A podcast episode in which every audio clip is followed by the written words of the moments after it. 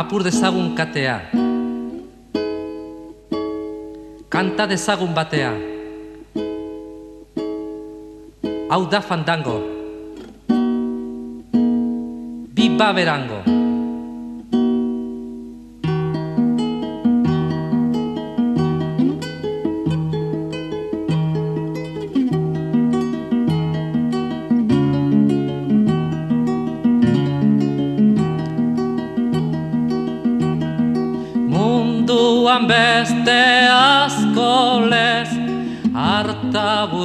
Burua nozko lez, atzo azpertu nintzaden, maizu ez eta eskolez.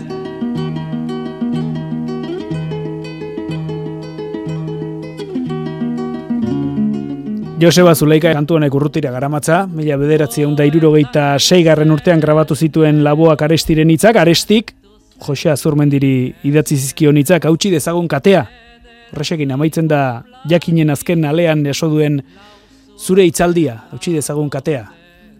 Bai, bai, e, arestik e, Jose Azurmendi antxe zautu zuen arantzazun, eta harri eta herri liburua bera dedikatu zion Jose Azurmendiri eta beste, beste bati. Eta bertako zenbait poema ere, lau edo bost poema, Joseri dedikatu dira. Eta horietako bada hori ez, e, e, Josepen ere lagun maitea, nunda zeruko atea, kanta dezagun batea, apur dezagun katea. Eta nik uste katearen metafora hori oso egokie zitzaiola, porque Jose Azurmendi epoka hartan arantzazun, bazegoen bere, bere fedearen inguruko katearekin eta orduan e, arestik ondo ikusi zuen e, azurmendiren egoera nantzazun ikuste bai.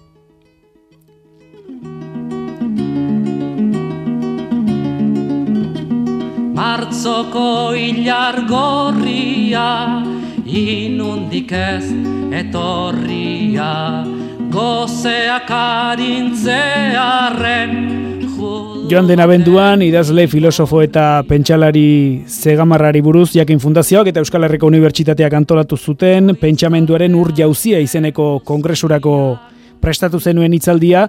E, kantu horrek eta kontzeptu horrek, eh, austurak definitzen du batez ere, Josia Zormendiren bizimodua eta haren lana? Nikala, nikala idatzi nuan eh, lan horretan, Nik uste gure belaunaldiak, erraundoko belaunaldiak, austuraz eta kontradikzioz betako belaunaldiak izan gerala.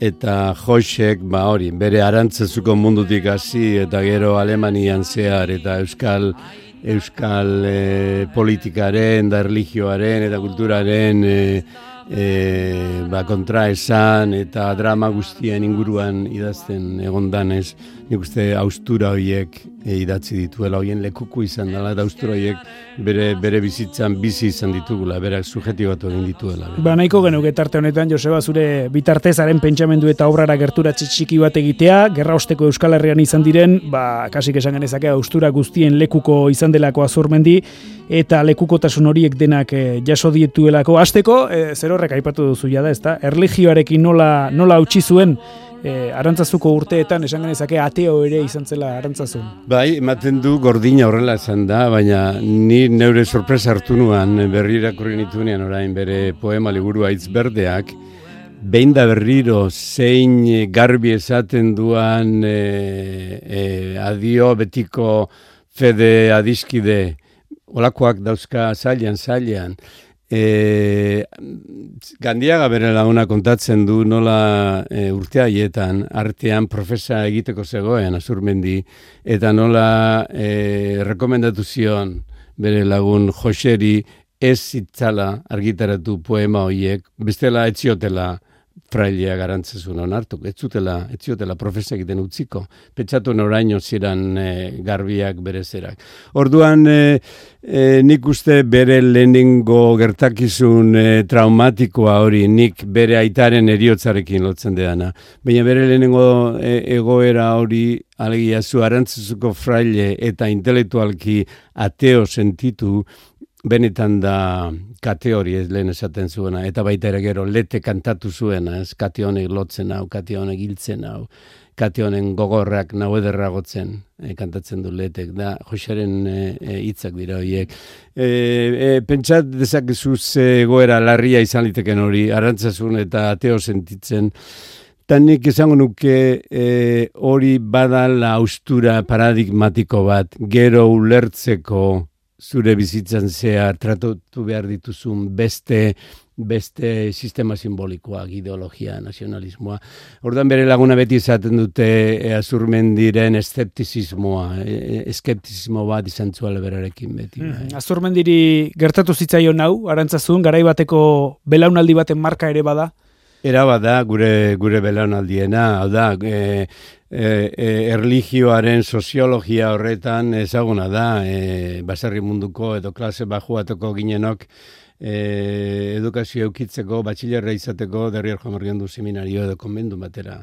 Eta azurmendi ere horrela arkitu zen, e, hogei garren mendeko bigarren zatian, komentu baten mundu e, intelektual dana, e, anostikoa zenean, edo baintzat katolizismo tradizionalekin kritiko, eta orduan egoera horretan arkitu izan gera gure benanaldiko asko, eta guretzok askorentzako fedegaltze hori, religioa, gateizmora eman gaituela, e, gertakizun oinarrizko hori bada fundazionala gure belanaldientzako, hmm. zengo nukenik. Eta arantzazuko barne krisi hori, korapilo hori, askatzeko, zuk diozu sortu zela azurmendi idazlea salbatzeko moduko bat aurkitu zuen letretan azurmendik? Gure belanaldia, gure gurasuak ez bezala, izan gera belanaldi bat, e, irakurri eta idatzi egiten hasi ginena. Eta orduan, idazle izatea, nik uste izan dela azurmendiren e, bokazio nagusia, montainek zioen bezala, nik nere liburua bezain ba liburuak egin hau ni, beretzako e, gure askotako entzako bezala idaztea izan da gure deskonversio modu bat eta hau da ateismo sensazio hori e, prozeso bat bezala sentitu izan da proiektu bat bezala ez ez, ez egoera finko bat orduan idaztea bera izan da edo poesian saiakeran e, e, azurmendirentzako nik uste hori izan dela bere benetako bokazioa, bere kompromisoa, bere, bere subjetibitate oinarrizko hori izan dela, bere erabaki funtseskoa da intimoena idaztea izan dela bai.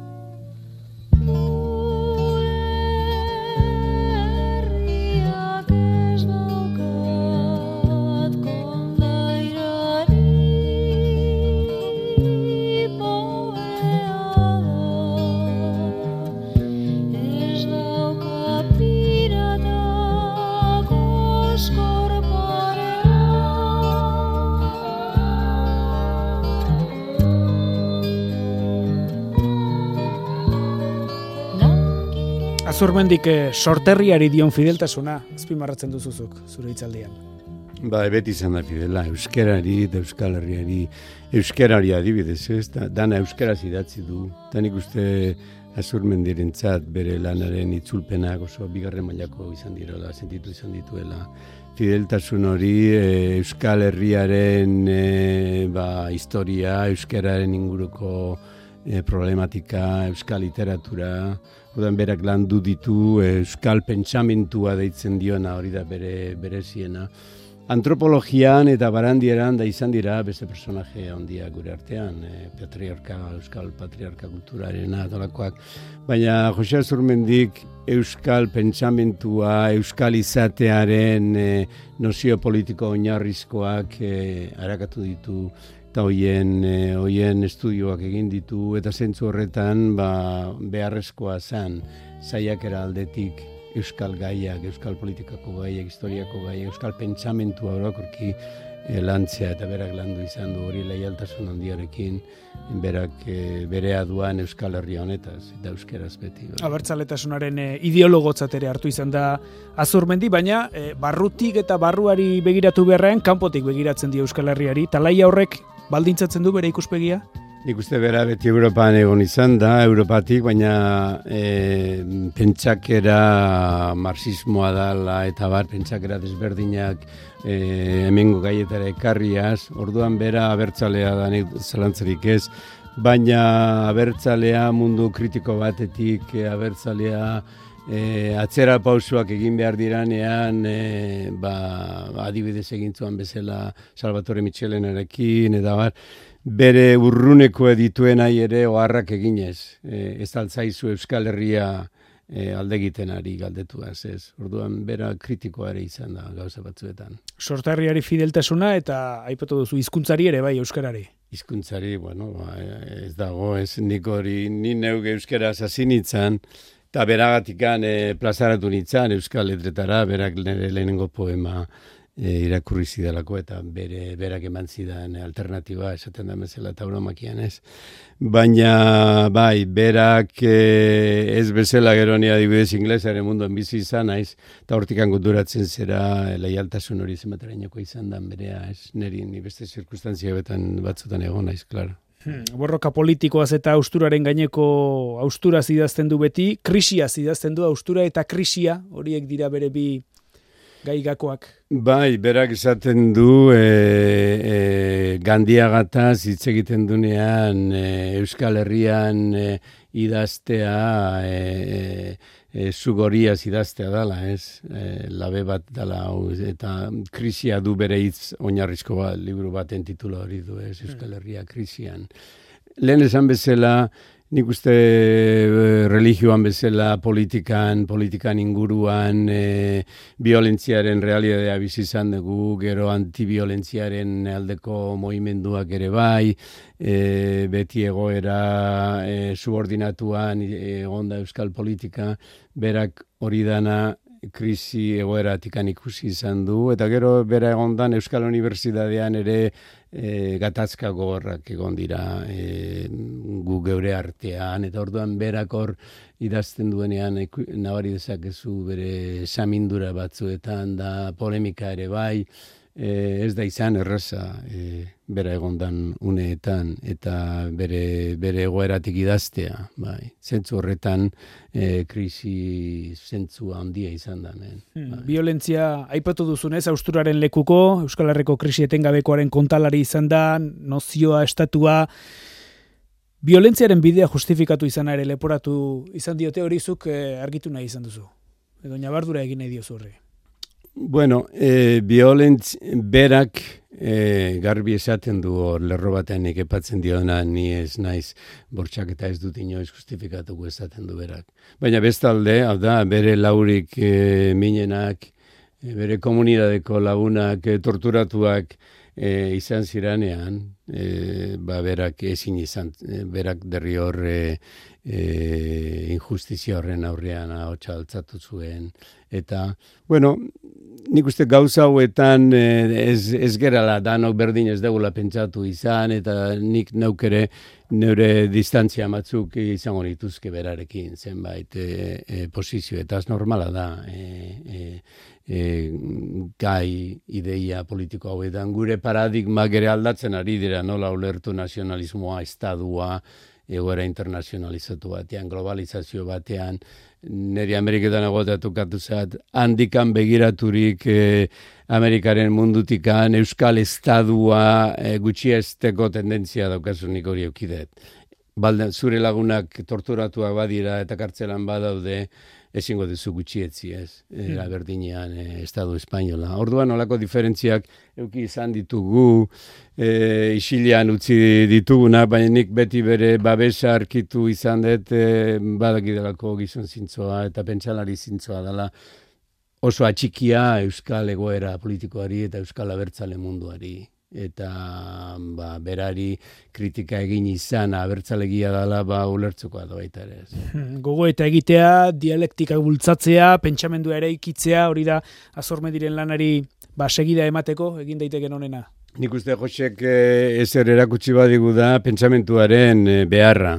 Alegia eh, gure movimendu politikoak, eh, soziala, kulturala gaurrera ateratzeko eh, alde danetan pentsamentzea, pentsamentu zuzena izatea, pentsamentu egokia, gaurko egunera egokitzea, gure zerak zein garrantzizkoa dan, hortara dedikatu dio bizitza guztia, eta eta bere frutuak hor ikusi dira bere lan oparo horretan, ez? Nik uste berak hori erakutsi digula, eta zentzu horretan, pos handia daukanik, eh, katedra hau sortu dela bere izenarekin, bera dioen bezala euskal pentsamentu hori lantzeko, eta euskal pentsamentu horrek e, e, arakatu behar duena da zein dan benetan Euskal Herriaren e, naia, e, desioa, edo berak zioen e, zalde ora, Michelen ari ez, e, Michelen, Euskal Herriak iez egin otezion, hain Euskal Herriak gurutzean zagoela, golgotan zegoela, Josek bere lagun minari, e, bere, bere modelo izan zanari, Euskal Herriak ez otezion ez egin, alegia, e, ez zuela egokitu bere sentimentuak eta bere bizipenak eta bere e, e, pentsamentuak etzala egokitu. Orduan ikuste egokitzeko mundu aldatzen di joan bezala pentsamentuaren garrantzia berak ezaldu duela eta hori da niretzeko bere, bere, bere erentzia nagusia. Mm Gaur egun ere egokituta balio dezake pentsamendua sustatzeko bere lanean errekurrentea den beste galdera honek ba ote duen soluziorik Euskal Herriak. Bueno, Joseak bere, bere desesperantzan inoiz, baina ari gara konpontzen Euskal Herria. Euskal Herria ari da evoluzionatzen. Eta, hau da, ni bezala kanpoan eta egon bazera, e, amarkada, gede itzultzen zeranean, konturatzen zera, zema da horrela paso eman diran. Eta Euskal Herriak e, ze, bai, ze aurrera paso funtsesko eta e, eman dituen e, alor guztietan asko dagoela egiteko jakina jakina.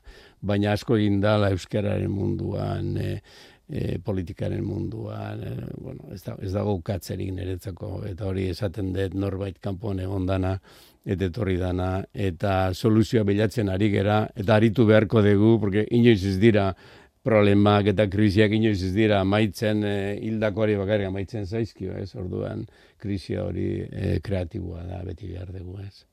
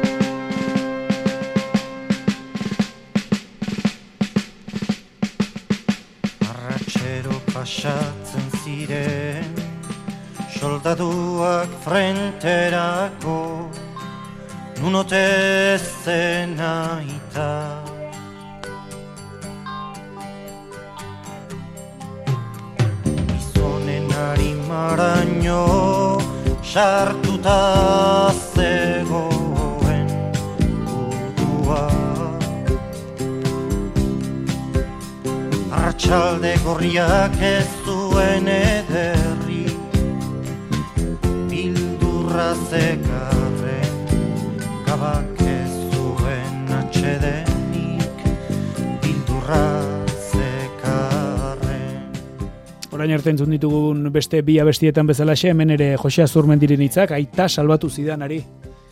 Dio, abestiak. Azurmendiren e, poesia liburu hitz berdeak irakurtzen baduzu, e, zirrara ematen duena da bere aitaren eriotzaren inguruko e, bertsoak, e, poemak. E, eta niretzako bere fede galtzearen oinarria e, gertakizun traumatiko hori izan zen. E, azidente laboral batean, aita amala urtekin zitzaion. Eta orduan aitaren ausentzia hori, e, nik hasi interpretatuko nuke e, Abrahamen da Izaken e, antzeko egoera paradigmatiko bat, baina e, han e, aitari jangoikoak semearen sakrifizio eskatzen badio, kasu honetan semeari, azurmendiri, bere aitaren eriotzaren sakrifizio eskatzen diola, eta orduan azurmendik eh, jangoiko kruel horri fede aukatu egiten dio. Nik uste hori da bere eh, zorburuko trauma azurmendiren gan. eta bueno, e, aitaren e, eta bueno, gero bera arantzezuko gizona da. E, gandiagari dedikatuko liburu zoragarri horretan esaten duan bezala, bera eta ni, gandiaga eta ni, arantzezu izan gera eta arantzezu gara, dio. Eta arantzezu da bere liburu horretan esaten duan bezala amaren etxea. Baina bere amaren etxea, bere ama larguna zegamakoa zan, e, haitxa falta zan etxea, ez. Eta mm, zeaten du aitearen bertsoak bakarrik entzuten zirana bere. Orduan, aitaren da amaren e, figura e, paradigmatikoak ere nik uste gure belaunaldia ikertzeko moduan pixka bat mundu psikoanalitiko gara sartzen gera hau eta hitz egitean, baina badu bere garrantzian eretzat, porque, hau da, arantzazun dagoenean han ezagutzen du aresti, zein da arestiren bertso ezagunena, nere aitaren etxea, defendituko dut. Eta arantzazun dauzkatzu oteizaren pieta, amasemeak, e, Salvatore Michelenaren poema nagusia, arantzazu semea, amasemeak, da, amasemearen e, sindrome hau, nik uste e, euskal kulturan gure belaunaldikoak aitaren ausentzia bat izan degula, aitaren e, e, humilazio bat gerre galdu zuelako, eta horren kulparen inguruan nik uste hain dispuesto egon gerala sakrifiziorako e, gure belaunaldiko zera. Gordenik horrelako azterketa egiten dut horrelako azterketa egiten diot hmm. e, amaren da aitaren arteko zera hori. Esan diguzu, mm, arantzazun izan zuen e, krisia, edo krisi horretan letretan aurkitu zuela berak babesa, eta zure letretan, Joseba, e, zuretzat aitaponteko bat izan da, Josea Zurmendi?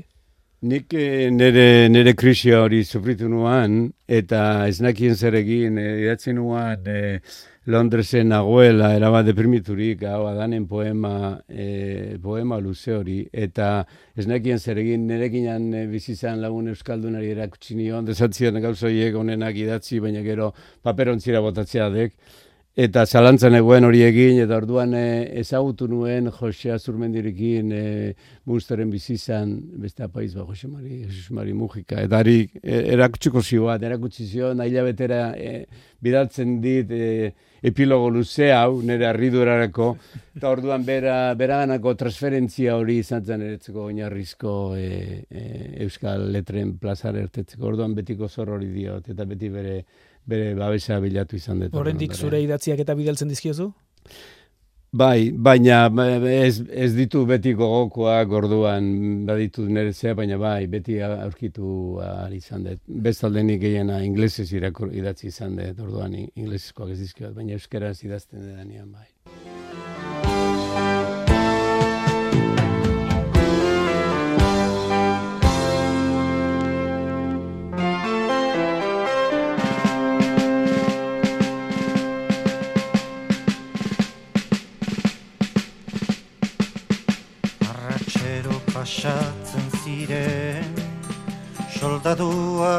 Ba, Joseba Zulaika, eh, estima duta dago, Euskadi Irratiko Faktoriara etorri izana, gaur zartera eta Jose Azurmendiren eta haren lanaz eh, hitz egitera, mila esker eta nahi duzun arte, ondo izan. Mila esker zuri.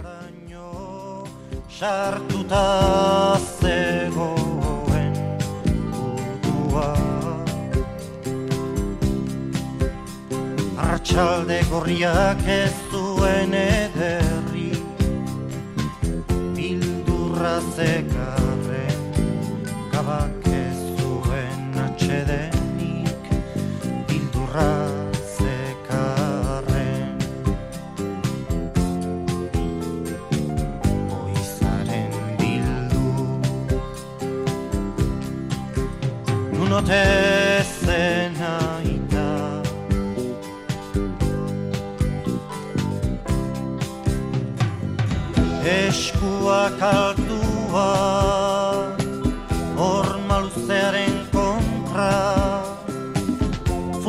Biren begiek zainduta Dago aita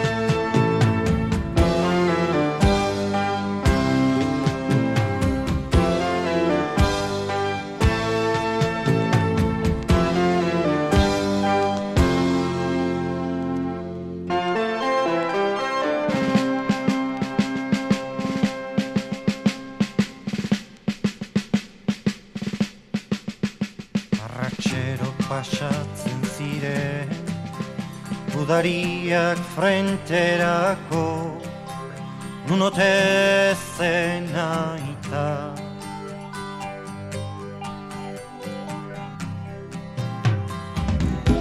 Ez ziren etxaiak Anaiak ziren. Eta anai arteko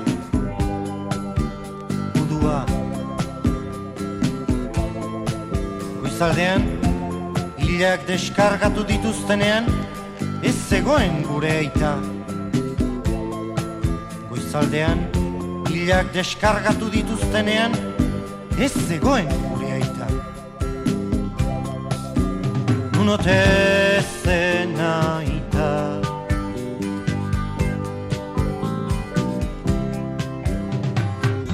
Eskuak altua Horma luzearen kontra. Fusilpiren begiek zainduta Dago aita.